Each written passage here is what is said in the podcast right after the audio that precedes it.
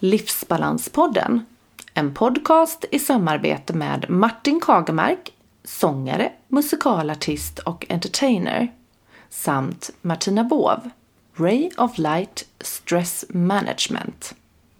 En podcast för alla som är nyfikna på livspusslet, stresshantering och hur man kan hitta sin egen livsbalans. Spännande gäster och mycket intressanta ämnen inslagna i både råa, karga paket, likväl som mjuka, kärleksfulla papper. Hur ska vi leva våra liv i balans i en samtid som ständigt påminner oss om förbättringar, effektiviseringar och jäkt för att få vår viktiga livsbalans? Vi träffade Karin Wendin, hälsoutvecklare, certifierad integrativ coach, föreläsare, stresspedagog och arbetsmiljösamordnare i Stockholm. Där vi pratar om hennes arbete som coach, om livsstilsförändringar, diabetes typ 1 och får hennes tips om hur vi kan få mer balans i livet. Ett avsnitt ni inte får missa. Nu kör vi!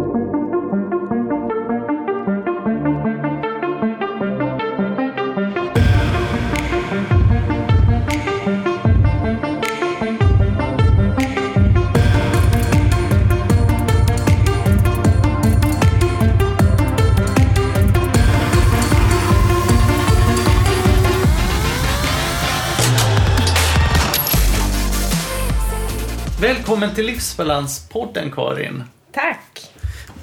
Vem är du Karin som person och hur skulle du beskriva dig själv?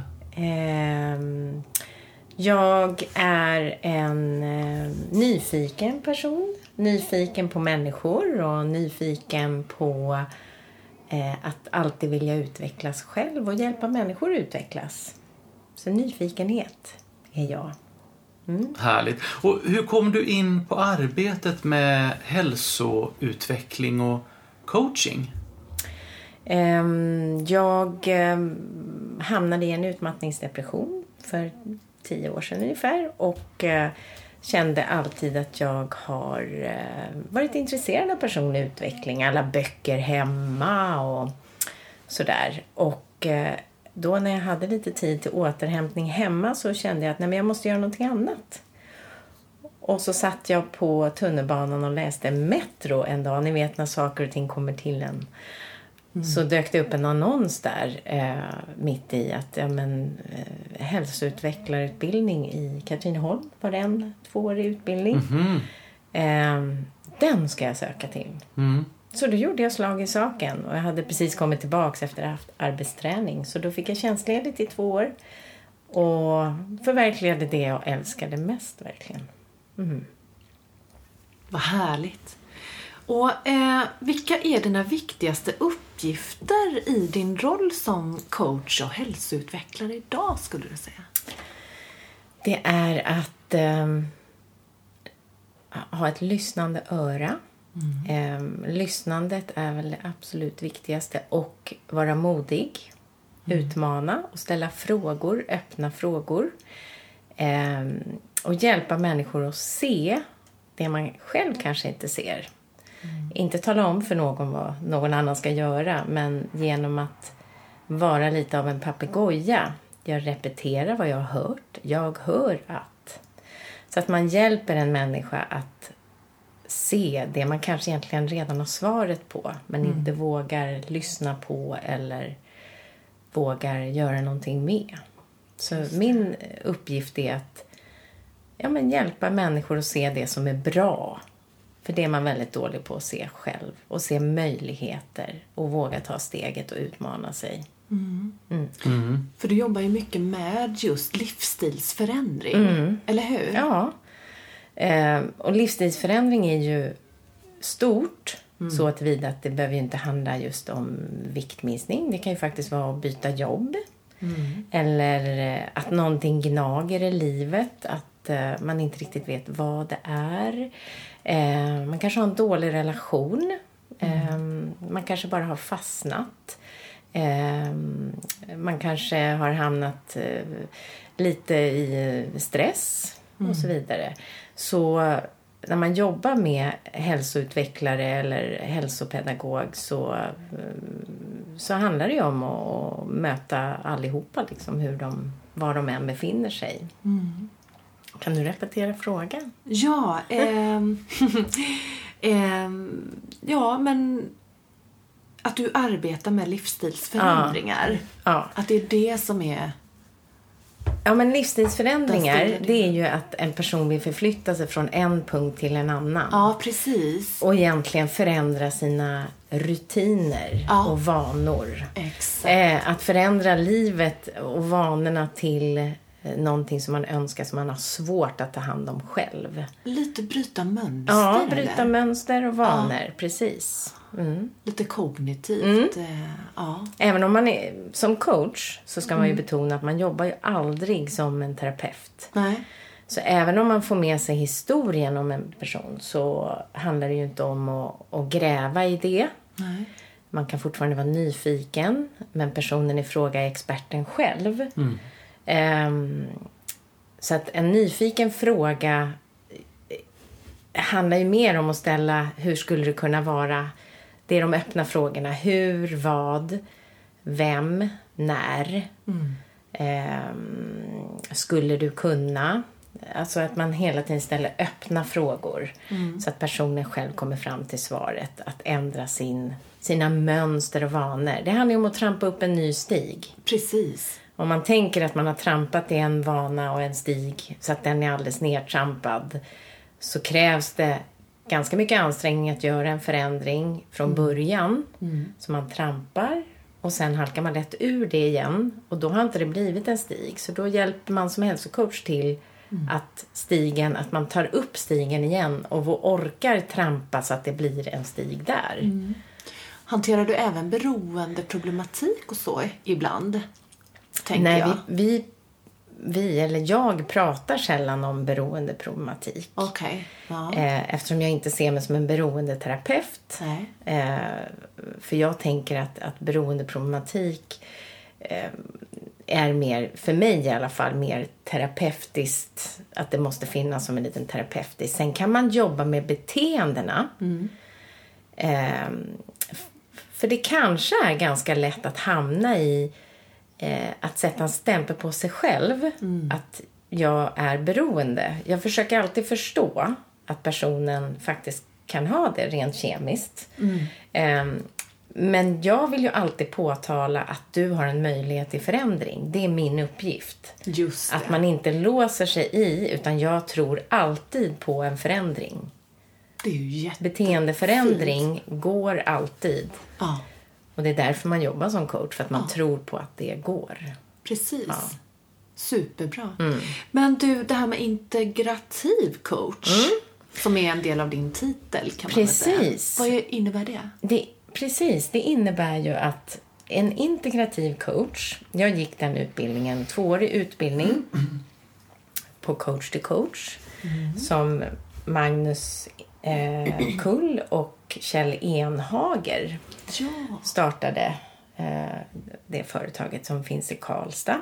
Eh, och då hade vi möjlighet eh, att gå den, eller vi, jag och några som jag känner då. Och då gick vi två år. Och då är tanken att vara en integrativ coach är just i KBT-tänket. Att man integrerar tanke, kropp och känsla och beteenden. Så att om jag möter en person som är väldigt mycket uppe i sitt huvud, den kognitiva delen, och jag märker att den inte är i kontakt med kroppen. Så kan jag genom övningar hjälpa personen att bli medveten om det och få ner en känsla och koppla ihop det. Så att man jobbar med kroppen. Man gör gående övningar, inte bara kognitiva tankeövningar och skriva på papper och så. Man får färgsätta känslor, man kan få sätta temperatur, man, eh, ja, lite grann så. Så man Precis. jobbar med helheten. Med alla sinnena Alla egentligen. sinnena, precis. Mm. Vad fint. Ja. Och man jobbar mycket med om en person pratar mycket i detalj och fastnar på detalj ja. så hjälper man en person att få ett helikopterperspektiv och, och se helheten så att man då kan göra en förändring. För det kan vara svårt att göra en förändring när du är låst i detaljer eller tvärtom. Precis.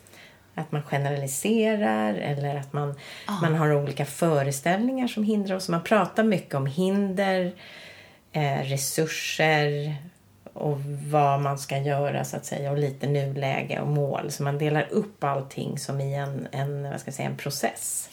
Men du, det här med målbild och sådär Mm. då. Eh, hur arbetar du med det? Med målbild, ja jag Ja. vill ju till exempel att om jag träffar en person och den personen då ska förtydliga för mig. För att det är ju viktigt som coach att jag, att jag är säker på att personen i fråga jag träffar är säker på sitt mål.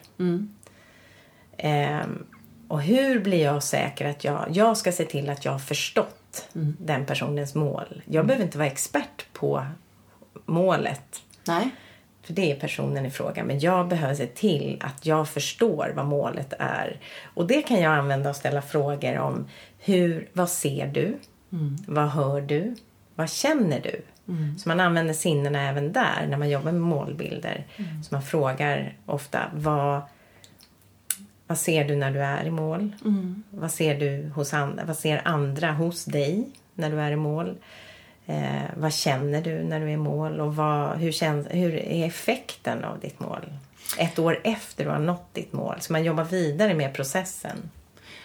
Så att du- har hand om mycket målbildsträning för dina Ja. klienter helt Och enkelt? ibland så gör vi gående, Ja. gående övningar i det där man Precis. startar i nuläge och får stanna upp längs vägen. Mm. Man får ju förtydliga målbilden och så har man ett avstånd som man går. kan Ja. man säga. Så stannar man upp och så fångar upp. Vad har hänt nu? Mm. Hur känns det när det här är? Kan du vända dig om och titta? Där är start. Vad har hänt sedan dess? Och så vidare. Så Mm. då jobbar man med hela kroppen. Ja, precis. Mm. Och eh, hur bibehåller du ditt lugn i stressiga livssituationer privat? Mm. Hur behåller jag mitt lugn? Ja, det är en ständig kamp tänkte jag säga. Men ehm, i, den, i eh, både bra och dåliga dagar som alla har, tänker jag. Men ehm, eftersom jag dels har den här utbildningen eh, så har jag ju även lärt mig att använda andning och så vidare. Och sen så har jag ju även läst till stresspedagog. Så då använder jag även mindfulness-träning. Kanske gör yoga. Eh, se till att jag har tillräckligt med återhämtning. För oftast är det inget farligt att ha mycket att göra. Det är om du inte har återhämtning och ser till. Jag är lite egoistisk ibland. Jag säger till att mamma brukar inte längre. Ehm, jag ber om hjälp när jag behöver. Jag tror att jag har en tydlighet gentemot min omgivning. Du säger nej då ibland? Ja. ja. Precis. Jag är tydlig och, och säger att ibland, ja men idag är jag fem år, jag behöver tröst. Att våga vara. Att jag vågar visa det inför mina barn, att man inte tar varandra för givet. Så. Ja, men för den kan ju vara lite svår ibland. Men gud vad fint att eh, man, man kan vara sån i familjen. Att visa Ja. sina känslor fast på ett bra sätt och vara ärlig. Precis. Än att, än att bara spela ett spel. Ja. För det gör ju många föräldrar. Ja, men då lär man ju inte barnen någonting, tänker Nej. jag. Sen är det skillnad att lägga skuld på. Än att vara tydlig. Att nu känner jag så här. Ge mig bara lite tid eller jag är tacksam om du hjälper till. Ja, men vad det nu än är. Men att inte skuldbelägga. Det är ju det som jag ofta upplever svårigheten att vara förälder. Att balansera det, Att ja. balansera så att man inte skuldbelägger. Men jag har aldrig uppfattat att mina barn mår dåligt av att jag eh, har liksom sagt nej eller Eller ställer lite krav Nej, ställer ibland. lite krav eller att nu får vi faktiskt hjälpas åt och, och sådär. Gör du det Martina? Jag har ju eh, varit i samma skor som dig där från Mm. början. Som du var i för tio år sedan. För fyra år sedan. Och eh, jag har ju varit väldigt kass på att ställa krav på min omgivning. Eller be om hjälp Mm. och, och så. Så att jag känner verkligen igen det här. Och eh, balansen där med att eh, vara ärlig och härlig Mm. med sina barn kontra att ställa för höga krav Mm. för deras möjlighet att leverera när de är i vissa Mm. åldrar. Alltså, det är en balansgång och det är jättesvårt. Men när man har, om man har kommit så långt så att man försöker leva sin egen sanning, då finns det liksom inte, då finns det inte rum för att låtsas liksom eh, lösa saker som man inte löser längre. Och då, då har man kommit så pass långt att man är ärlig med sina barn oavsett ålder tror jag. Att man ber om hjälp och att nej men nu får du hjälpa till att diska eller eh, köra igång en tvättmaskin eller hjälpa till att vika tvätten och, och så. Eh, därmed inte sagt att det fungerar hundraprocentigt i, i vårat hushåll men ja, jag har blivit bättre på att säga nej till min omgivning och eh, ställa eh, rimliga krav på, på mina familjemedlemmar. Men det gjorde alltid min mamma. Hon Gjorde hon sa, det? ja, men nu får du städa ditt rum, eller nu får du bädda sängen. Och, ja. Ja. men då var jag väl väldigt duktig då. Ja, men du har alltid varit en ordningsam person, Ja. eller hur? Ja, men det skulle jag nog Men tro. hon ställde ändå krav, fast inte Ja. omöjliga krav och var Ja. inte elak för det. Nej. Utan hon bara... Alltså det blev eh, normalt att Ja. göra de här grejerna. Men jag tror att eh, en, en stor hjälp för mig har Mm. ju varit att jag eh, lägger undan det jag tror att jag måste göra. Mm. Så att jag frångår alla det här, ja men maten måste stå på bordet en viss tid. Det måste vara så här städat hemma. Mm. Ja. Jag har bara gått ifrån och liksom, nej, idag är inte en sån dag. Idag är det okej Mm. Ja. Mm. att, att vara så här. Och så hänger vi tillsammans. Ehm, vi har också haft väldigt mycket, som, som du var lite inne på också, att det här, eller härligt med barnen, att vi ja, men kramas och hänger och kollar på något tv-program tillsammans och skrattar och liksom så. Risken för mig när jag blir lite låg eller down eller tycker att det har varit jobbigt, det är att jag eh, får ett enormt stort behov av ensam, alltså att få krypa undan. Precis samma för mig. Och det, ja, Mm. och det är ju positivt. ja. För dig? Ja, men inte för mycket. Ni vet den här balansen. Ja. Att egent- och då kan det också bli så här äh, om man är inbjuden på något eller Mm. man egentligen ska vara social av någon som man vet egentligen fyller på. Ja. Då kan det bli lite undvikande beteende. Precis. Så det är farligheten. Så att, att, att våga liksom att inte glömma bort alla delarna. Nej. För det sociala är ju risken när man har haft mycket, tycker jag. Det är det man väljer. Man brukar prata om den här eh, livskvalitetsboxen. Eh, som gör att man skalar bort de saker egentligen som ger dig eh, energi energi. och påfyllning. Du väljer bort kompisar, du kanske väljer bort träning. Ja, men du väljer bort saker som egentligen... Och så till slut så blir det bara det där lilla kvar. Och då är ju risken för depression eller att man inte orkar saker och så. Ja, det är ju märkligt att det är Mm. så att vi människor fungerar på det sättet. Och det blir ju helt bakvänt. Så man, och det är då man behöver varandra. Ja. Precis som Ja. vi pratade, om, pratade lite om här. Att, att liksom hänga med människor som, som fyller på en. Eller att man har ett nätverk Precis. eh, som man kan plocka av. Ja. För det ögonblicket som passar just då. Tänker jag. För det kanske inte är festen på mm, röda mattan eller det då. Men det kanske är den där middagsbjudningen med de närmaste. Eller bara en kär god vän som man har goda samtal med och dricker en romte med. Liksom. Men är det mycket karriär man tänker på hela tiden? När man hela tiden ska liksom träffa någon eller göra någonting eller att man ska vinna någonting utav det. Tror ni att det är mycket så i, det, i, i tänket i livet? Generellt. Ja.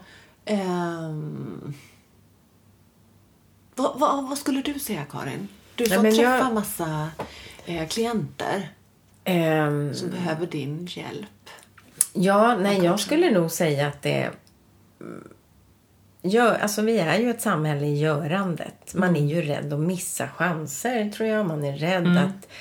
Eh, kanske också rädd för det som ska komma ikapp. Om man sätter sig ner och tar det lugnt, Ja. Oh ja. tänker jag. Eh, så att jag, jag vet inte... Ja, Men vad är det vi strävar efter hela Ja. tiden? Nej, men jag vad tror är att- det som är... Man är inte i nuet. Jag träffade en klient för ett tag sedan som sa Vet du, jag kommer på under de här samtalen, herregud, jag har levt mitt liv och hon var ändå typ närmare 55-60. Jag har levt mitt liv, känns det som, 20 minuter före hela tiden. Ja. Så när jag lagar mat, då är jag redan Ja. På kvällen. Och när jag är, liksom, är på kvällen, då är jag redan på morgondagen. Och när jag är på, alltså, Ja. Att man hela tiden är 20 minuter före för att du planerar eller är i görandet eller så. Ja, för det är något magiskt när man lyckas plocka ner eh, tänket framåt och eh, Vi behöver ju det också. och dåtiden. Ja. Man plockar ner det till nuet. Ja. Det är ju då det magiska Ja. händer och sker i mötet med andra människor. Det, det, det är ju någonting som vi alla tre har liksom... Ja, vi har ju pratat nu idag om framtid och, då, och dåtid. Ja. Men vi, och pratar lite så, men det är ju här det magiska händer. I Ja. samtalet och... Och vi har pratat om jätteroliga samarbeten som ni Ja. kommer få höra mer om längre fram i Ja. en kommande podd. Ja, precis. Ja, får du komma tillbaka Karin. Ja, det gör jag gärna. Men det är väldigt intressant det, där, det här med och, och, och att man ska lyckas hela tiden och Ja. vara lycklig och, och, och inte bara nöja sig med det som är Nej, precis. här och nu. Och som svar på din fråga tror nog jag att det handlar mycket om pengar också. Att så här, alltså många idag har, har eller det, vårt materialistiska samhälle. Alltså för att man ska ha råd att bo i ett hus om man har familj så är ju oftast båda föräldrarna tvungna att jobba. För att det är jättesvårt att få lån på banken om man inte har någonting att starta med. Nej, då får man ha väldigt höga löner eller liksom, ja, eller mycket pengar på banken eller liksom sådär. Det är normerna. Undan sparat. Ja. Och, och jag vet, jag, jag pratade faktiskt med min pappa om detta för många år sedan nu. Men det var nog när jag, när jag hamnade i utmattningen. Så sa han det till mig, men Tina det är ju konstigt, sa han. Alltså så som ni lever livet nu, så levde ju vi. Fast då var vi tio år yngre. Så vi klarade ju av det. Nu har man liksom förskjutit allting. När, när han var 30 år, då skaffade han sina barn. Nu är man oftast kanske uppåt 40 och snuddar. Och då ska liksom då ska allting vara klart. Du ska ha karriär som du är nöjd med. Du ska tjäna mycket pengar gärna så att du har råd att åka på de här resorna med barnen. Eh, så att du har råd att bo på en fin adress. Eh, du ska köra den och den bilen. Alltså det, de här normerna. Eh, vad Att gör det med ut, oss? ja. Och när man stannar upp och vågar vara i nuet och när man har kommit dit att ja, pengar är viktigt för välbefinnandet men spelar det egentligen så stor roll om det är några tusenlappar mer eller mindre? Om jag mår bra? Förstår ni vad jag Nej, det menar? går att göra omprioriteringar. Ja men, Verkligen. ja, men det är ju det. Och Så jag tror att det är vi. det som Eller är samhälls, samhällsperspektivet. Att det, jag tror att det, det är det så ena fel, äggar på det andra. Eller? Att våga gå utanför den där ramen när någonting eh, plötsligt händer i livet. Där du tvingas kanske att göra det. Ja. Ehm, då ska jag säga, då övar man ju i det på något sätt. Du är tvungen, eller du inser att det faktiskt går. Och det är ju en enorm befrielse. Ah. För det är klart att eh, jag har ju då valt att eh, gå ner i 60 procent där jag jobbar nu. Men jag har, eh, jag har ju en verksamhet på sidan så jag coachar några stycken och jag har jobbat lite med arbetsmiljöfrågor på, på kooperativa förskolor och sådär. Men i övrigt så, så har min tid nu senaste året gått till min son som har fått typ 1 diabetes och då har ju vi lagt om våra liv lite med ekonomin Ja. och insett att okej, vi kan inte åka lika ofta på den där resan. Nej. Eller, men jag har också insett så här, nej men vi behöver inte det där. Eller jag börjar göra mig av med saker hemma. Alltså sådär för att det tar energi. Ja. Det, är så mycket annat som har blivit så värdefullt. Jag kommer ihåg precis när vi hade landat efter allting lite grann. Vi, var fort, vi har ju varit väldigt mycket hemma under det här året. Ehm, av ja, men inte gjort så mycket utflykter kanske i början och det har varit stökiga nätter, vi har sovit dåligt och eh, varit hemma lite från skolan och det har varit möten och hit och dit. Och då när hela familjen har varit samlad så har jag verkligen stått i köket för jag ser in i vardagsrummet och känt en vilken tacksamhet över att liksom vi har varandra. Det är det enda som betyder någonting. Det händer någonting tycker jag i det och det tror jag händer oavsett vilken kris du än drabbas av. Liksom. Att, Absolut. att det ställs lite... Absolut skulle det underlätta om vi hade ett antal tusen till i månaden. Men vi klarar oss ypperligt på det som är. Ja. Eh, vi väljer att gå på restaurang lite mindre men vi köper ändå bra mat hem och lagar gott. Och... Ja. Ja, men jag kan inte förklara. Det är verkligen Kan någonting. du berätta lite mer om diabetes typ 1? Och vad det innebär. Vad det innebär för lyssnarna? Och vad det var som hände egentligen där. Jo, men eh, det som händer när man får typ 1, för det är ju skillnad. Den ena är ju autoimmun sjukdom, typ 1 diabetes. Den innebär ju att man så småningom inte har någon som helst egen produktion. Av insulin. Insulin, ja precis. Eh, en livslång sjukdom som absolut inte går att bota men det är tur att vi bor i Sverige och faktiskt har gratis insulin och, och de hjälpmedel som finns idag. När man är barn och ungdom i alla fall så får man mycket hjälp och så. Eh, typ 2, bara för att göra skillnad, är ju, kan också absolut vara ärftlig, att man har en större benägenhet. Men den går också, man har alltid en egen produktion av insulin kvar.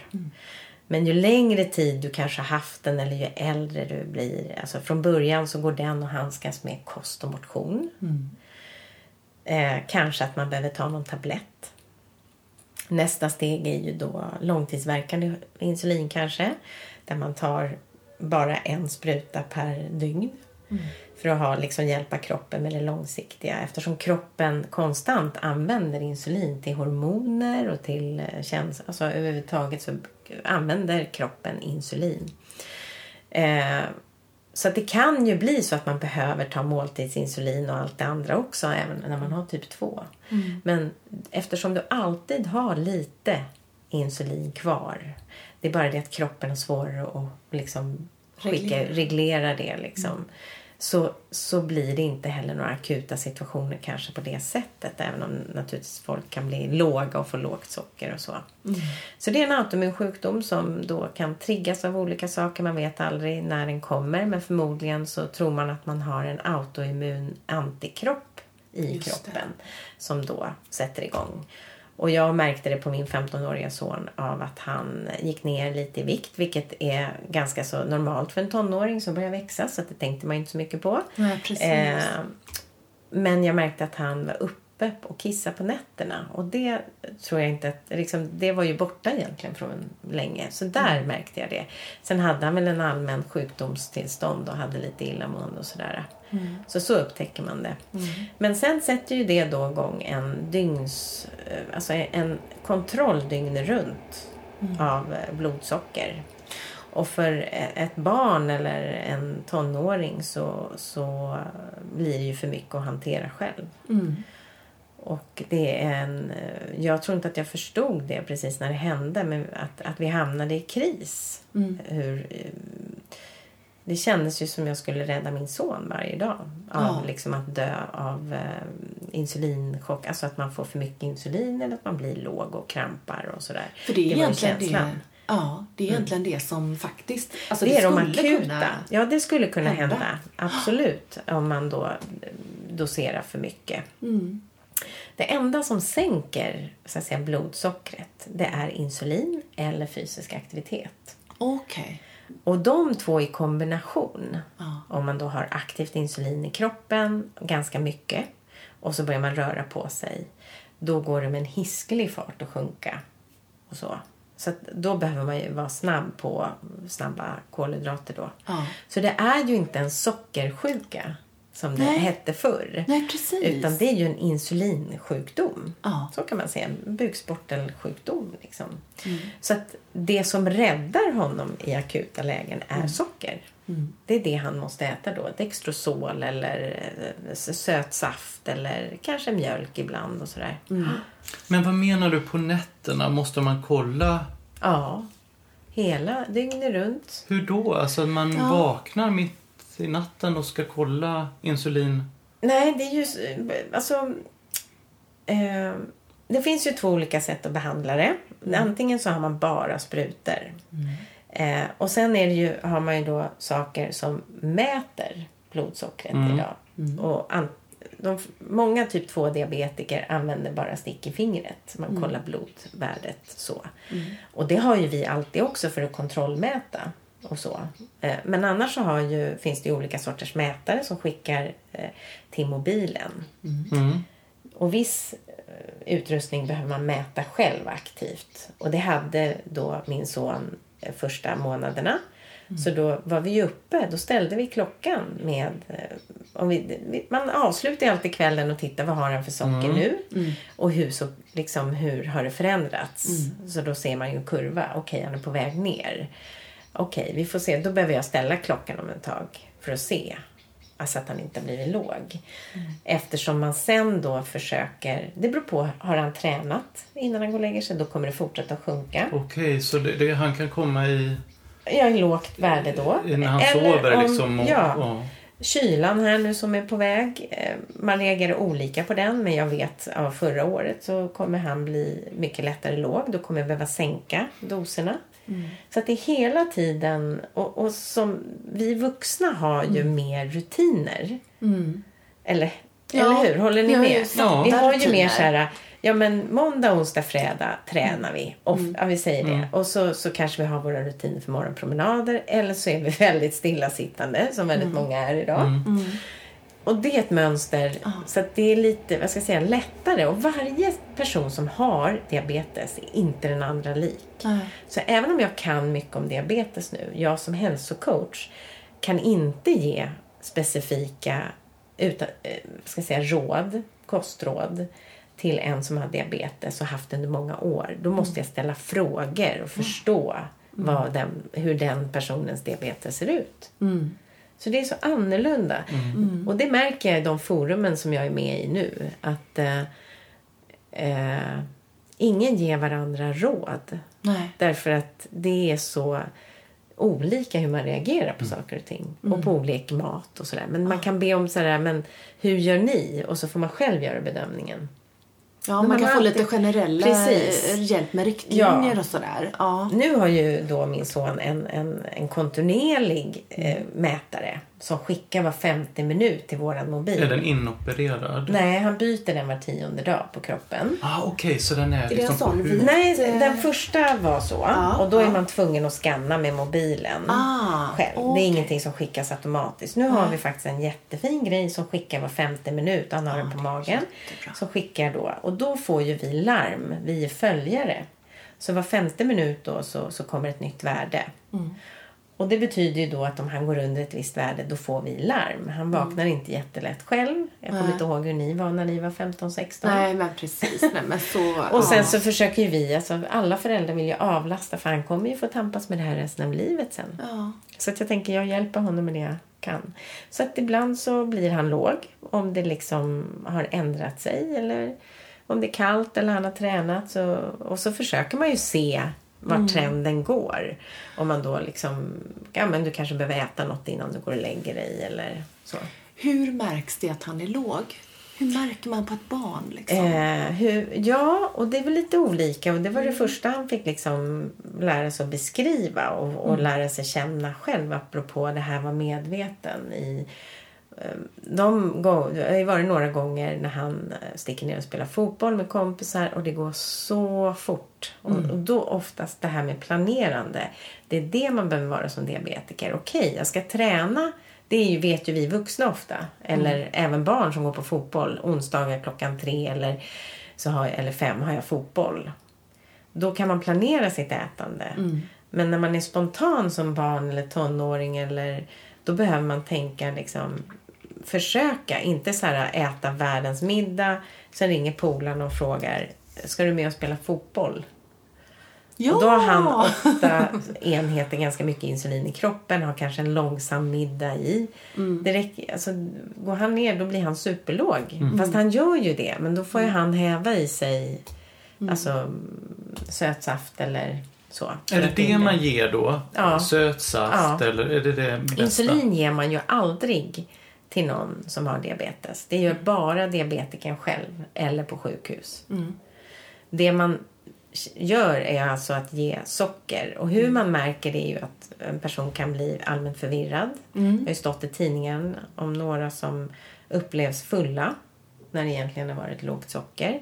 Ehm, han blir svettas. Det är ju som en enorm stresspåslag. Så att man blir skakig, kan tappa grejer, man kanske inte kan göra saker själv. Alltså Nästan som ta- eh, på sommaren när man, eh, om man har druckit för lite Ja, vatten. precis. Liksom. Ja, Så. ja. Så att man kan bli lite okontaktbar, man kanske inte svarar på tilltal. Min son blir inbunden. Han, som, han är inte jättebra, alltså så, men man kan märka att han blir nästan sur. Fast han är ju inte sur. Han är Nej. ju... Eh, Men han drar sig undan Ja, liksom, lite mentalt. så här, blir tystlåten, Ja. sitter still, lite sådär. Och nu har han ju lärt sig liksom att känna. Men han sa ju det, när jag är fysiskt aktiv och spelar den där fotbollen, då är man ju varm ändå, kanske adrenalin. Så då känner man inte vad är vad liksom. Så då kan det gå så himla fort ju. Ja. Har ni fått mycket hjälp med, inom sjukvården? Otroligt mycket hjälp. Ja. Ehm, det var ju ett helt team som stod redo när vi kom in. Och det var ju utbildning i, för oss då med lite större barn. För ja, verkligen måste vara hemskt att ha ett litet barn som drabbas av det här. Det är ju, det är ju, där kan du tala om dygnet runt och överlämna till skolan och de måste räkna kolhydrater och dosera insulin och sådär. Det är enormt tufft och nätterna och allting. Så det är ju många som går in i väggen som blir sjukskrivna för att de har små barn som har diabetes. Min son kan ju räkna själv, kan dosera och göra saker själv och vi har ju en dialog. Men skolan har ju ett ansvar. Så att man behöver ju ha en egenvårdsplan heter det, skriver man då med hjälp av sjukvården och skolan. Men hur Så- gör man med skolan? För de, menar, de är väl inte utbildade kring det? Nej, eh, oftast i det här fallet då så var jag nere och utbildade dem och hade möten med mentorn och, och vi eh, Mentorn skrev är det här. klassläraren, Ja, eh, precis. mm, det som blir, ja, mentorn, precis. Så då gjorde vi det och vi skrev då vad, vad Jesper behöver hjälp med. Och att han absolut inte får gå hem själv när han är låg eller om han har ont i magen och mår illa. För om jag ska prata om det akut farliga är ju att bli låg. Men att bli hög, som man är när man insjuknar i diabetes, då har man ju ett försurat blod. Då blir det ju till slut, vad ska man säga, att kroppen försöker göra av med allt socker genom att man blir uttorkad. Och till slut så, om det blir väldigt illa, så kan det gå ganska fort. Det heter då ketoacidos. Så det är ju en syraförgiftning. Så Oj, oj, oj. blodet blir surt och kroppen vill ju bara göra av med all vätska. Så man blir ju uttorkad. Och det är Mm. ju det som då skadar hjärta och allt systemen till slut lägger av. Mm. Nu är det ju väldigt få som dör av det. Men ligger man högt under lång tid, det är ju det som ger komplikationer sen. Alltså senare i livet med eh, ögon och kärl i fötter och händer och sådana saker. Hjärt och kärlsjukdomar. Och... Men det är ju en enormt stor del av, av Sveriges befolkning som lever med typ 2-diabetes med höga värden konstant som kroppen har vant sig vid. Som inte behandlas för de vet inte om det. Och det är ju då de här problemen sen kommer för sjukvården. Alltså som sen kostar pengar. Om man nu pratar pengar, ekonomi. Så är det ju så. Precis. Min, min syster jobbar ju faktiskt, eh, hon har eh, arbetat eh, på eh, SÖS Mm. som eh, diabetesexpert faktiskt. Ja! ja. Vad kul! Eh, ja, Ja. så att hon, hon har ju jobbat med vuxna då. Mm. Ehm, och eh, hon berättade om någonting som är väldigt vanligt då. Nu jobbar hon inom podiatrin Mm. och eh, har varit ensam då i expertområdet Mm. just där gällande diabetes. Men hon menar på att någonting som är väldigt vanligt då hos typ 2 diabetespatienter det är ju de här såren som inte läker. Mm. Nej, precis. I fötter och Ja. fotsulor. Och... Fötter och ben. Att det är väldigt mycket Det har ju med legomsår och... cirkulation och med blodkärlen skadas ju av allt det där. Liksom. Ja. Och så har de ju gått med det länge förmodligen utan att behandla. Och utan Så. att veta. Nej, och- precis. Det är ju det som är problemet Ja, ofta. precis. Och det är ju en folkhälsosjukdom skulle jag säga. Ja. I mångt och mycket eftersom det går att påverka genom då kost och motion och hälsa. Livsstil. Livsstil, ja precis. Ja. Men du frågade om jag hade mycket stöd när det hände. Och det var ju ett, ett resursteam som man inte förstod när man var där. Men det var terapeuter, det var diabetessjuksköterska, det var läkare. Alltså det var kost, en dietist också. Eh, och så. Så att vi var ju inlagda och det var ju alltså allt dygnet runt liksom. Gud vad bra att Ja men det det var fantastiskt. finns. Så fint. Men vad hände med dig och dina känslor som mamma i det läget? När man hamnar i en sådan kris, tänker jag. Ja men från början så blir man ju som skärpt. Ja. Man bara hanterar. Mm. Så. Men ehm, som jag sa så, så förstår man inte riktigt när man hamnar i kris, när man hamnar i chock. Precis. Ehm, jag var ju på väg till Barcelona. Jag hade resväskan packad och skulle åka med mina kollegor. Klockan 12 typ skulle vi åka och jag hade sådär misstänkt att nej men, jag vill ändå kolla det här innan jag åker bort i fyra fem dagar. Ehm, så då hade jag bara bokat en tid på vårdcentralen och eh, tänkte jag men vi kollar väl upp det här. För ni hade misstänkt det då? Ja, det, det är någonting som inte stämmer. Jag har ju lite koll på vad det är eftersom jag jobbar som hälsocoach och träffar en hel del, alltså typ två diabetiker och har en, en nära kär vän som har en dotter som har diabetes. Jag hade pratat lite med henne och det är något som är konstigt. Så att jag hade ju min väska, liksom packade bilen och så åker vi till den här uh, vårdcentralen och, och apropå tecken på att man inte fattar liksom. Ja. Nej men ni måste åka in. "Nej, Men vad då? Men hinner jag inte ens hem? Nej, ni måste åka in på en gång. Det här är farligt. Okej, och så blev det ju. Jag hade ju med min väska. Jag visste inte om jag kunde åka eller inte. Man förstod ju inte. Så att jag till och med sitter där i det här akutrummet och frågar min son. Kan mamma åka till Barcelona tror du? Ja. Ja men det skulle Ja, men jag det så aldrig ha gjort. För det är klart, alltså du vet snacka Ja. om förvirrad. Ja, alltså, ja, det fanns ju inte Ja. på kartan. Nej. Varför frågar jag honom? Han bara ja. Åh, Sant. vad ska han säga? Nej, men, och, ja, men för man slets ju mellan att, Ja. att eh, företaget bjöd på en resa och där stod min flygbiljett och jag missade det. Och sen var det ju så här, men gud jag hade ju inte kunnat åka. Det var ju dygnet runt utbildning. Det var ju verkligen möten hela tiden med allt och alla. Det var ju, vi skulle ju ta över behandlingen. Lära oss allt. Det fanns en plan med din packade väska. Ja, jag har aldrig varit så välpackat till ett sjukhus. Jag hade flipflops, jag hade bikini. Jag undrar vad, vad, vad spaavdelningen var, frågade de när jag kom. Men gud alltså. Ja, men det som hände med mig var ju att det kommer efteråt. Lite grann. Så det har ju varit en enorm trötthet förstod jag när sommaren kom. Eftersom det har gått ett år. Nu har det lagt sig ett lugn. En hanterbarhet. För du frågade tidigare hur hanterar jag min stress? Ja. Och det har ju varit vila. Att tillåta mig att känna det jag känner. Det har varit eh, ja, men, en sorg. Verkligen. Över att han ska behöva ha det. För det vill vi ju inte. att Vi vill ju rädda våra barn. Ja, Så är det ju. Så det har ju varit en sorg att bearbeta. Och samtidigt så är det ett enormt coachande. Till att han ska hantera det med sina tankar. För att jag läser om jättemånga ungdomar som skäms över sin diabetes. Som inte tar sina sprutor eller sin, sin insulin. Skolor som inte hjälper och stöttar eh, tonår, så att de känner att de är ett problem. Och det är ju känsligt som det är. Det är ju existentiella frågor som dyker upp när man är tonåring som det är. Precis. Så det är enormt tufft. Så att min uppgift nu det är att hjälpa min son att hålla ut. Att förstå att idag är en dag som är strulig.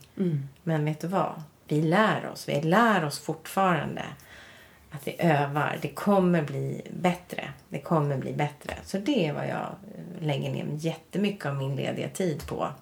Åh, vad fint. Ja men det är verkligen så. Ja. Och att han är så tacksam över det också. För det är han. Han blir aldrig arg. Jag tror att vi bemöter honom med respekt. Ja. Ehm, och frågar när vill du att vi ja, du förstår väl att när vi hör av oss så, så är det allvar. Alltså, då är det för att vi är oroliga. Eh, ja, men att han, får, han är ju ändå 16. Han har ju varit tvungen att gå tillbaks flera år i utvecklingen. Ja, det är så. Ja, men på, på något sätt är det ju det. Från frigörelseprocess till Ja, att ja, backa. Ja, att inte vara precis. självständig. Att inte ens ha fått sova över hos kompisar ännu. Och han har liksom, jag bara väntar på att det ska komma. Alltså det här, ja men som hör till att mogna. Att liksom inte sparka bakut men ja, den här... att våga. För jag tror ju själv att man måste få bli förbannad över att man har drabbats av det. Man måste få bli jäkligt ledsen. Man måste få ut det någonstans. Jag har inte riktigt sett det hos honom än. Nej. Nej. Det kanske, alltså vi kanske har lyckats, alltså, men någon gång, jag står beredd. Mm. Jag tror Precis, att det, det kan gånger- hända, men Ja. man vet inte. Nej. Nej. Men jag tänker att jag gör det bästa av det och om jag kan hjälpa honom att förstå, hålla ut och bara se att livet kommer bli, det kommer ordna sig. Åh, vad fint. Ja, jättefint. Ja, verkligen. Alltså, om vi ska återgå lite till eh, vad, vad är det vanligaste till att folk anlitar dig? Den vanligaste orsaken. Den vanligaste orsaken är ju livsstilsförändring, viktminskning.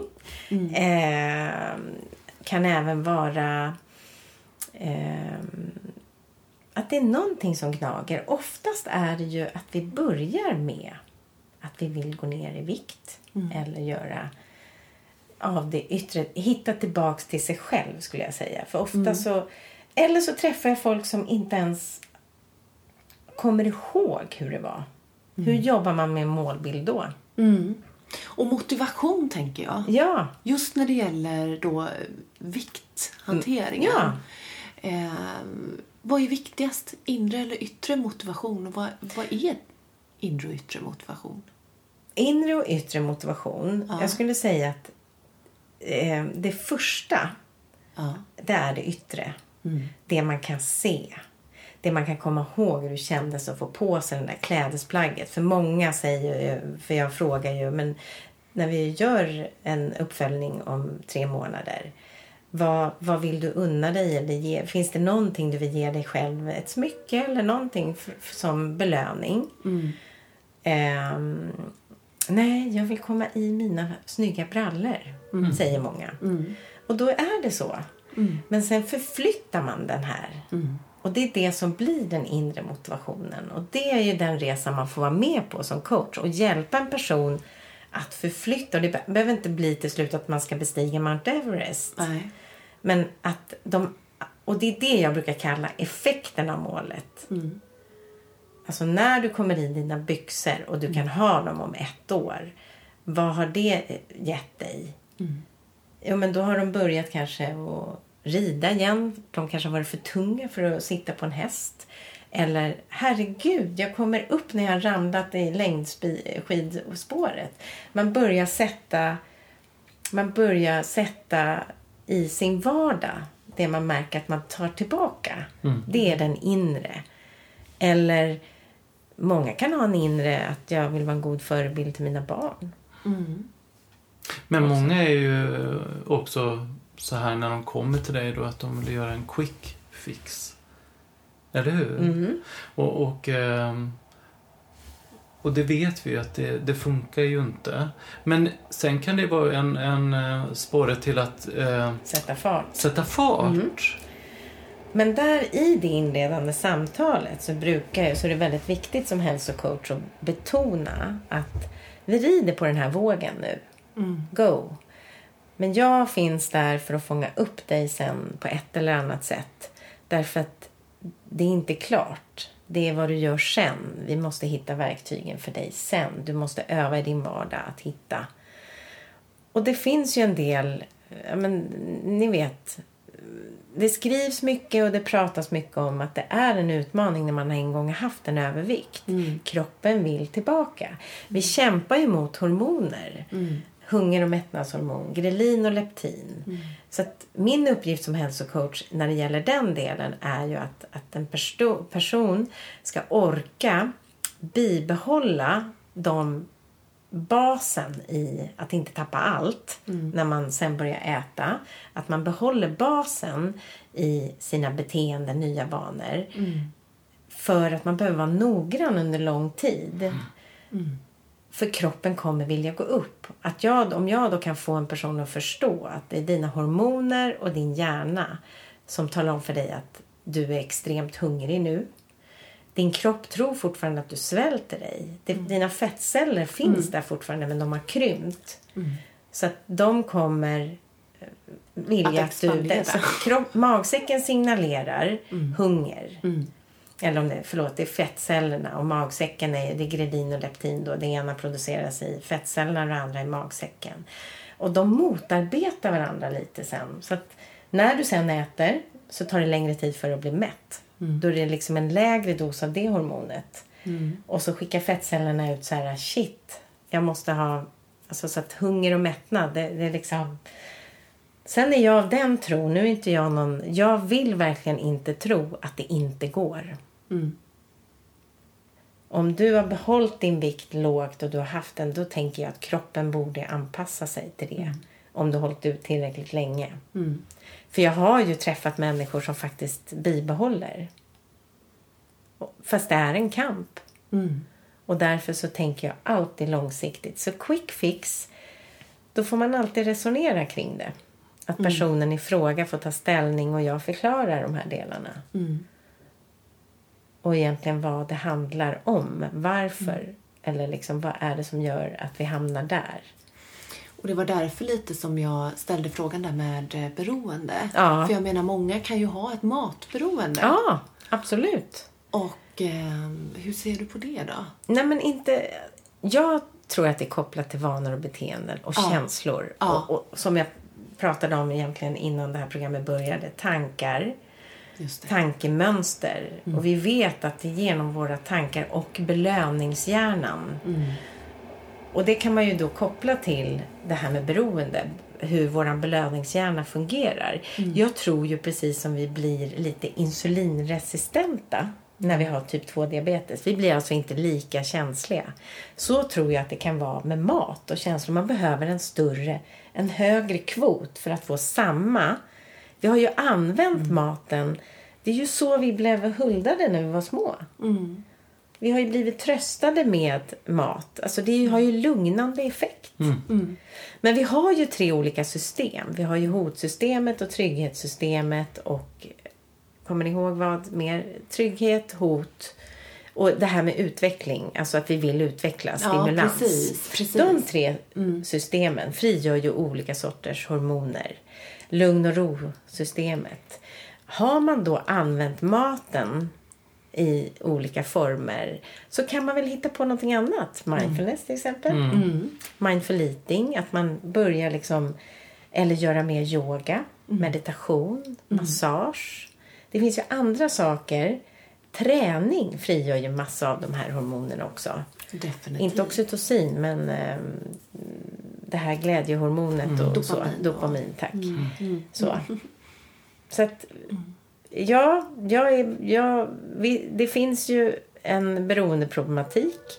Eh, man kan eh, vara storkonsument. Det pratar man ju om inom alkohol. Man behöver, alltså, då är man kanske inte riktigt en alkoholist. Fast man är ju någonstans beroende, men man är storkonsument. Vet ni skillnaden? Man klarar Nej. sitt liv. Jo, men man, man kan hantera sitt liv. Man går och jobbar. Man kan Ja. göra det under ganska lång tid. Alla blir inte alkoholister. Man kan nästan leva ganska jättemånga år med att ha kvar, alltså att man inte faller igenom. Man bara dricker jättemycket och att man då behöver mer och mer och mer. Ja, Fast man Men man hamnar inte liv. på gatan. Nej, och man Nej, liksom kliver det. inte in i det där missbruket där det går väldigt utför. Mm. Man bara ökar kvoterna. Precis. För mig är en alkoholist en alkoholist. För mig finns det liksom inga... Antingen eller. Nej. Nej, eller men så. antingen är man alkoholist Ja. eller så är man inte alkoholist. Och för mig är inte det parkbänken. Utan Nej. det kan ju vara, det vet ni ju, alltså det kan ju vara vad som helst. Ja. Alltså utifrån eh, konsekvenserna Mm. mm. av ens drickande. Mm. Det är där man ser det liksom. Ja, precis. Konsekvenserna blir ju eh, precis. Och det är ju samma med maten då egentligen. Ja. Konsekvensen när folk kommer till dig och behöver hjälp med vikthantering egentligen. Men jag tror ju att väldigt mycket av det styrs av... Eh, skillnaden där är ju att det där är... ehm, mat behöver vi ju. Ja. Mm. Ja. Du, blir ju, du är ju alltid utsatt av det liksom. Det är ju det som skapar. Det är ju ingenting som du kan sluta med Nej. eh, och inte ha i din närhet. Nej, precis. Mat måste du ju ändå alltid ha så du tvingas ju handskas med det. Ja. Vilket kräver sin utmaning liksom. Ja. Men eh, jag är ju lite försiktig med att säga att jo, man använder när är man beroende? Är det av själva beteendet vi är beroende? Alltså att en vana för att det ska finnas eller är det substansen? Vad ligger i beteende kontra det enda jag jobbar med är ju beteendena. Precis. Så att jag kan ju inte liksom gå in i det här Nej, med nej. eh, Nej. att, att det handlar om en beroendeproblematik. Nej, precis. För det Det är ju förstår något, ju ja, det. men jag menar liksom även när jag sitter med en klient. Ja. Jag kan be, absolut bemöta det. Ja. Men mitt sätt att handskas med det blir ju ändå att, att antingen så måste du gå till en som jobbar med beroende. Mm. Avvänjning eller vad vi nu... Vad heter Bitten eh, har ju haft ja, men det här med sockerskola och sockerberoende. Mm. Ja, just det. Och jobbar liksom mer definitivt med att ta bort det. Hon som har skrivit böcker. Ja, eh, precis. eh, Jag är inte så hemma med det. heter. Ja, precis. Sockerbomben och så. Ja. Men eh, jag, är, jag liksom vill ju gärna tro att mycket kan vi göra med att förstå Mm. och lära oss att tolka våra känslor och tankar. Precis. Jag kan inte komma ifrån det. Jag är nog ganska så. Men jag, med full respekt så vet jag att eh, beroendeproblematik inte är lätt att vara som är vad. Jag förstår ju att det är en kamp. Och en eh, annan fråga då. Jag tänker lite grann. Jag, jag har läst artiklar om, nu minns jag inte vad jag läste dem, men att en människa kan sakna ett enzym i kroppen som gör att man känner mättnadskänsla. Är det någonting som du känner, känner till någonting om? Ja, men det skulle ju kunna vara leptin eller grelin då. då. Nu blandar jag ihop vem som är vem där. Ja, det- eftersom det har med hunger och mättnad. Ja. Sen vet jag inte. Jag brukar ju säga att det är ett hormon. Ja. Men det är säkert hormonstyrt. Ja, just jag. det. Ja. Det kanske hänger ihop där. Ja. Eh, Jag vet ju att de forskar mer och mer på de som har väldigt svårt. Att känna mättnad. Ja, eller överhuvudtaget går ner i vikt. Ja. Att det är svårt. Det, finns ju en man som heter Erik Hemmingsson som har skrivit en bok som heter Slutbantat som har kommit precis. Mm. Eh, nu har jag inte hunnit lyssna på den. Eh, men eh, jag har ju sett klipp på det och jag har kommit i kontakt med honom tidigare. Så att jag vet att han eh, är forskare på GIH.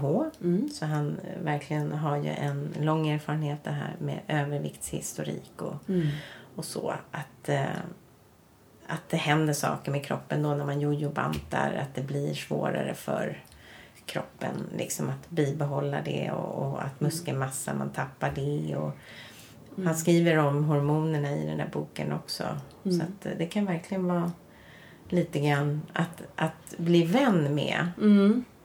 Ja, men verkligen. Så. Precis. Mm. Vad innebär en hälsosam livsstil för dig, Karin? En hälsosam livsstil för mig är ehm, att jag tillgodoser de grundläggande behoven som fysisk aktivitet. Vi kommer ju faktiskt aldrig ifrån det. Eh, och med det menar jag både vardagsmotion eh, i den utsträckning jag klarar av just då. Ehm, och träna fysiskt, höja puls och stärka muskler tre gånger i veckan. Ehm, och sen är det ju att försöka följa faktiskt Livsmedelsverkets näringsrekommendationer så kommer man långt. Så vidare man inte har någon annan problematik i ska jag säga. Det finns ju de som har Ja, men glut, alltså det finns ju många saker. Glutenintolerans och Allergier allergier och andra IBS-mage och sådana saker. Men om vi bara liksom utgår från att man redan att man är frisk så att säga, inte har några andra tillstånd så är det ju att min, liksom bara äta mera frukt och grönt och egentligen använda det som en bas. Jättebra tips Karin. Jättebra. Eh, men jag ganska nyligen kom i kontakt med ett ord som fascinerar mig som heter resiliens. Som jag läste om och eh, greppade tag i därför att resiliens står för eh, elasticitet. Det är egentligen hur vi människor hanterar svårigheter. Och det är för mig egentligen grundläggande hälsa. För kan vi hantera de situationer som uppstår I livet. i livet oavsett. För strävar vi efter balans hela tiden så kan vi ju gå till oss själva. Hur, tänk efter. Hur ofta är ni i balans? Ja, och vad är balans? Ja, men- Precis. Så länge man klarar av motståndet som man Precis. möter, tänker jag. Och det är det som är resiliens. Ja. Resiliens innebär att kunna anpassa de svårigheter Ja. och hantera de situationer som händer Ja. utan att hela tiden kämpa till balans. ja, precis. Och, och till exempel mindfulness eller medveten närvaro är en, en, ett verktyg till det. Eh, motion och träning är ju att träna hjärnan eh, och hela den biten. Och mat och träning och sömn och återhämtning. Men just att hela tiden Trots alla svårigheter, för vi alla människor drabbas av svårigheter i livet. Och det är inte lätt alla gånger. Men det är ju, och det är jättespännande att läsa om det, den, hur resiliens tas upp i psykologin. Så jag var fascinerad över och tyckte att det var Är det en mer... bok du har, har läst? Ja, jag har läst det i en bok som heter Fuck Balance Okej. ganska nyligen. Eh, som också fascinerade mig för det tog ju upp bland annat det här med medveten närvaro som vi alla tre då har kommit i kontakt med via vår utbildning då till stresspedagog. Så för mitt motto har alltid varit så att, att vilja komma i balans. Eller komma.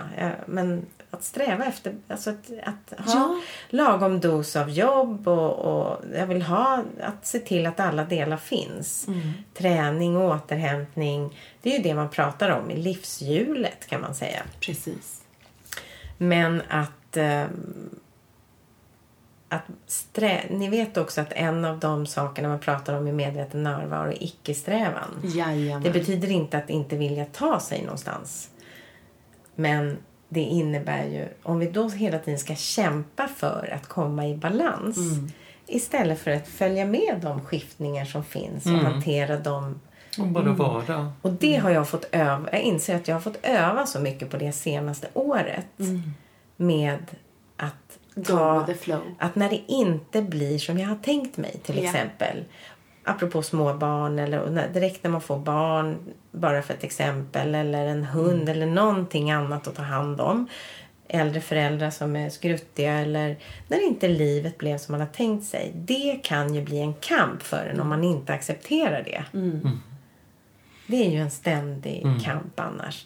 Men då får man acceptera, ja men det blev en dag som den här. Ja. Och göra, det, det är att vara resilient. Att inte liksom bli stressad av de situationerna. Att också landa i och ni vet när man sitter i bilköer. Jajamensan. Exempelvis. Ja, men, Står och väntar på kassan Jag var och- på väg hit. Jag var några minuter sen. Okej. Nu är det som det är. Jag tittar på... Alltså att, att, ta, att jag har andningen med mig. Jag tar några djupa andetag. Jag tittade på träden. Mm. När jag fick tillfälle så skickade jag i alla fall ett sms. Jag kommer när jag... Alltså jag är på väg. Precis. Men att sen släppa det. Det tror Och inte gå och gräma sig och Nej. repetera Nej. och de här Det är dåliga som det tankarna. är. Ja. Så jag måste ju hantera liksom, ja men som vi alla gör. Men jag har Mm. fått ju öva på det väldigt mycket senaste året. Ja. Så resiliens har blivit en väldigt sån fint, det är ju ett engelskt, kommer från engelskan, så det är Mm. elasticitet. Att vi liksom följer med de svårigheter som uppstår och hanterar dem när de kommer. Hur tror du att det nya hälsoklimatet med stressen i samhället, där allt ska gå så snabbt, har påverkat människans utveckling? Ja, den är ju en stor fråga alltså. Ja, det är det verkligen. Eh, något som jag har reflekterat över om det är för att jag är några år äldre nu eller om jag har varit väldigt trött senaste året som också har gett mig lite frustration som jag får jobba med, som jag är medveten om och sen får släppa. Det är att saker och ting, jag har alltid upplevt mig själv som effektiv och snabb. Fast jag har också fått höra att du är så lugn och sådär. Men det är att jag alltså, är långs alltså, långsam är inget fint ord. Missförstå mig inte. Jag, Nej, men att vara långsam, hur ofta står det i en anställningsintervju? Nej, nej. precis. Men nu är ju egentligen långsam behöver inte betyda något negativt om Nej. ord, för det är noggrann. Att vara långsam är ju faktiskt att man kan vara eftertänksam, Mm. noggrann, pålitlig eller vad du nu än vill lägga in i det. Liksom. Men det kan ju lätt bli då i dagens samhälle att det är någonting negativt just för att det ska gå så snabbt. Absolut. Nej, jag skulle vilja säga att jag tror att vi behöver gå motströms. Jag tror att vi behöver göra mer av det som, som ni gör och som jag själv gör och kan hjälpa människor att andas. Precis. Som jag gör i mina samtal, att reflektera, att stanna upp. Nej, jag, jag, vill, jag vill komma ifrån lite de här normerna som är. Och jag kan inte göra det själv. Nej. Men jag kan börja. Och lära mina barn det. Ja, man Alltså kan det är alltid göra okej. någonting. Ja. Ja. men jag är inte vän med att det ska gå så himla snabbt. Jag tror inte Nej. det är bra. Finns det Bra. någonting eh, som har påverkat utvecklingen snabbt framåt? Eh, nej men jag tror ju att det är skärmtiden mycket. Jag kan inte Ja. komma ifrån det. Så tänker jag. För det går ju väldigt fort. Mm. Ehm, ja, vad tänker ni själva? Tänker ni tekniskt också? Ja, Absolut. men- Ja, jag, brukar göra, men jag brukar göra tvärtom när jag är ute och går. Till exempel i stan eller när jag går tunnelbanan. Då går jag sakta. Vad händer då? Och då blir ju folk arga. Men jag gör det ändå. Och då Mm. Vad händer över- med dig då när du går långsamt? För det är ju intressant. Oj, eh, nej men då börjar jag ju fundera och tänka mer. Ja. Och ehm, jag infinner mig i ett lugn. Ja, Ja. jag säger det. Det är ju så. Det är därför jag frågar. För jag hade ett eh, coachande samtal för ett tag sedan med en man som jobbar som säljare. Som, ehm, och det är ju fascinerande när man har mindfulness-samtal eller coachsamtal ute. Eh, för det här var ju utomhus då. Och så märkte jag, för jag känner ju honom, har träffat honom lite tidigare, att han ja, men, är väldigt uppe i varv och man, man lär sig. Och man, är, man kan ju hjälpa en person in i samma utan ord. Mm. Så att jag tvingade in oss i ett långsammare tempo när vi gick. Och jag märkte ju att han hela tiden sådär blev lite haltande och fick stanna upp och, och sådär. Och, och så började jag liksom andas på ett annat sätt utan att säga någonting. Och så märker jag på honom att han Ja, men det händer någonting. Och när du själv är medveten om det, alltså jag menar som coach då eller Mm. instruktör, så hör man ju och ser hos en annan person. Så efter ett tag sa jag, om du undrar, sa jag, ville bara säga att jag märker att du har varit uppe i varv. Alltså det är ju sån skillnad. Vad det händer grejer när man går långsamt. Alltså det händer någonting. Ja. Det var ett jätte... Ja men det var ett av de där samtalen, vad ska jag säga, som, som jag fick som feedback på efteråt. Att det här är... Ja, jag förstår ju att jag pinnar på, apropå snabbt. Mm, precis. Och vad har du för tips till våra lyssnare om hur man kan leva sitt liv i en bättre balans eller, Ehm, eller så? Ja, lys- våga ta hjälp och inspiration om man behöver det. För eh, om det är något som gnager. För det första är det väl att lyssna på sig själv, tänker jag. Ehm, att våga vara modig och gå på det som, som kommer. Oftast gör man ju som alla andra. Vi är ju en sån, vi är ju flockdjur. Så det är lätt att bara följa med och så vidare. Eller leva efter andras förväntningar. Så jag tänker att eh, st- våga stanna upp. Långsamhetens... Att våga vara långsam. För att hitta sin egen kärna. Ja, precis. Jättefint. Tänker jag. Tack för att du gästade våran podd, eh, Karin. Och, sk- hur, hur kommer man i kontakt med dig för att boka dig? Eh, då antingen så har jag ju då en, en, sid, en eh, Facebook-sida som heter Livets balans. Eller Instagram som jag inte är jätteigång på. Annars så har jag ju en mail på karin med c är det, punkt vendin at gmail.com eller mobilnummer för jag har ingen hemsida ännu. Då är det 070 994 9396. Så får man jättegärna höra av sig. Härligt. Tack så mycket. Ja. Livsbalans och kärlek till er alla. Puss och kram från oss. Och ni är gulliga! Om ni vill komma i kontakt med oss angående Livsbalanspodden eller andra uppdrag så finns vi på livsbalanspodden gmail.com och Livsbalanspodden på Instagram. Eller var och en på martin.kagemark at telia.com eller via min hemsida martinkagemark.com. Och mig Martina på martinabovgmail.com eller på Instagram Ray of Light Stress Management.